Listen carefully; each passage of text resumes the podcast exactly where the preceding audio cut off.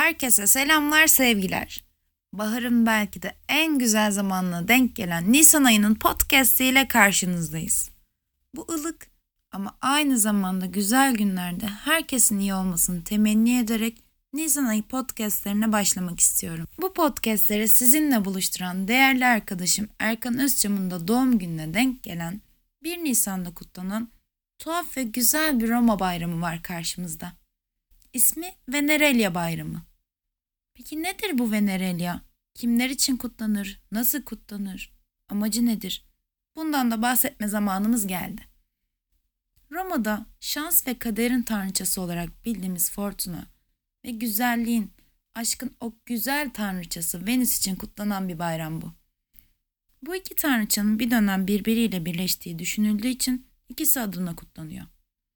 Peki ya bu güzel festivalin çıkış noktasını hiç merak ettiniz mi? Mor kutumuzu atlayın ve Antik Roma'ya güzel bir seyahate çıkalım. Romalı bir asker, bakire olan kızı ile Roma'dan Apulio'ya dönmektedir. Kıza yolda ne yazık ki yıldırım çarpar ve kızcağız korkunç biçimde can verir. Bu sırada da üç tane Vesta rahibesinin bir davası vardır. Bu kadınlar ensest olduklarına dair bir davada yargılanırken bu yıldırım olayı onların bir suçlu olduğuna işaret olarak yorumlanmış. Kadın erkek demeden tüm suçlular cezalandırılmış ve bu olayın Venüs'ü kızdıracağı düşünülerek ona bir tapınak yaptırılmış. Lakin insan işte. Bu üç Vesta rahibesi ne yazık ki yasayı tekrar çiğnemiş ve Venüs'e verdikleri sözü unutmuşlar. Hatta bu sözden dönmüşler. Bu üç rahibenin günahı tüm Roma'yı etkilemiş. İnsanları bir korku, bir telaş sarmış. Venüs'ün gazabından öylesine korkmuşlar ki. Bu korku histerisi şöleni Roma'yı yerle bir ederken kahinlere bundan nasıl korunacaklarını sormuşlar. Kahinler kadınların toplum tarafından koyulan kurallara uymalarını sağlayacak bir bayram kutlamalarını söylemiş. İşte böyle doğmuş Venerelia. Ayin kısımlarına da gelecek olursak birçok antik dönem bayramındaki gibi hangi tanrı tanrıça için kutlanıyorsa o güzel tanrı tanrıçanın heykeli bayram yerinde gezdirilir ve kadınlar bir ritüel banyosu yaparlardı. Nasıl bir ritüel banyosuydu ki bu? İçlerindeki kötü olan her şeyi yıkanarak temizlerler. Daha sonrasında da bir güzel süslenip Venüs'e övgü dolu sözler söyler, onun heykelciklerini taşırlardı. Ha unutmadan bu bayramda heykel taşıyan kadınlar ve modellik eden her kimse bakire olmak zorundaydı. Venüs'e ne kadar da zıt bir şey değil mi? Gelelim ikinci bayramımıza. Magne Mater yani Yüce Anne. Büyük ana anlamına gelen, sizin de çok ama çok yakından bildiğiniz, ölmemiş, şekil değiştirmiş Kübele için kutlanan bayramlardan birine.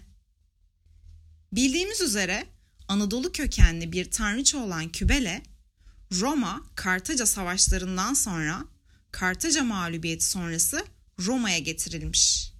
Kartaca'nın ne kadar tanrısı, tanrıçası, kültü var ise hepsini kendi bünyesinde eriterek o kültürü yok etmeyi, kendisinin bir parçasıymış gibi göstermeyi amaçlamış. Sahi bir an sizin de aklınıza çok tanrılı inancın, tanrı ve tanrıçalarının tek tanrılı inançtaki azizler ve azizeler olarak kendi bünyelerinde eritmesi geldi değil mi? Belki ileride bunlara da değiniriz. Kim bilir? Bu savaşlar sonrası tanrıçamız Kübele'nin ilk kez şehre girdiği 4 Nisan'da Megalensia kutlanırmış. Bu Megalensia 4 Nisan'dan 10 Nisan'a kadar süren bir bayrammış. Bu güzel festival sırasında Ludi Megalenses denilen tiyatro gösterileri gerçekleştirilmekteymiş. Ludi Megalenses denildiği vakit aklınıza lütfen İbrahim Tatlıses veyahut Adnan Şenses gelmesin. Gücenirim. Bu güzel kutlamalar sırasında Ludi Megalenses yani bu tiyatro gösterileri olurken ana tanrıça, büyük tanrıça Magna Mater için yapılmış tapınağın ön basamakları bayramda bu kutlamaları izleyen insanlar için bir oturak görevi görüyormuş. Bu güzel festival hakkında bildiğimiz ritüelleri ise oldukça kısıtlı. Lakin Payragihia'daki Kübeli ritüelleri belki de bu konuda bize ışık tutar ve zihnimizi aydınlatabilir. Bu festivalin başlarında kocaman şölen tadında ziyafetler verilir iken ilerleyen zamanlarda Roma buna engel olmuş ve kısıtlamaya başlamış. İsrafa yol açtığını düşünmüş Romalı devlet insanları. Dahası da bu tuhaf bayram birçok ayine gebe olduğu için Roma bu bayramın her kısmını denetleme kararı almış. Devlete zarar verebilecek ayinler, kutlamalar yapılabilmesinden çok korkmuş. Başka bir kültürün kültünü kendi bünyesinde eritmeye çalışır iken bunun olması da kaçınılmazmış sahi. Bayram devam eder iken şehirlerde rahipler dans ederek bu güzel bayramın devam etmesi için para toplarmış. Bu durum da o dönemin bilginlerini bir hayli rahatsız etmiş.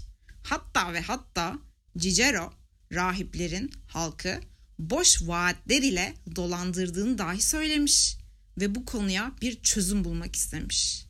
O dönemde bu güzel tanrıçamızın rahibi olmak oldukça kolaymış. Tek şart insanların kendilerini hadım etmesiymiş. Roma'da halkın kendisini hadım ederek Magna Mater rahibi olmasını yasaklayıvermiş. Bu podcast'imizi zaman ayırıp dinlediğiniz için çok ama çok teşekkür ederiz. Ben Sinem Özler. Ben Yağmur Kahramanlı. Sizinle birlikte olmaktan mutluluk duyduk. Bize yol göstermiş sevgili öğretmenimiz Selim Martin'e emeğinden dolayı çok teşekkür ederiz. Gelecek ay Mayıs bayramlarında görüşmek dileğiyle. Bu güzel bahar gününde camınızı açın.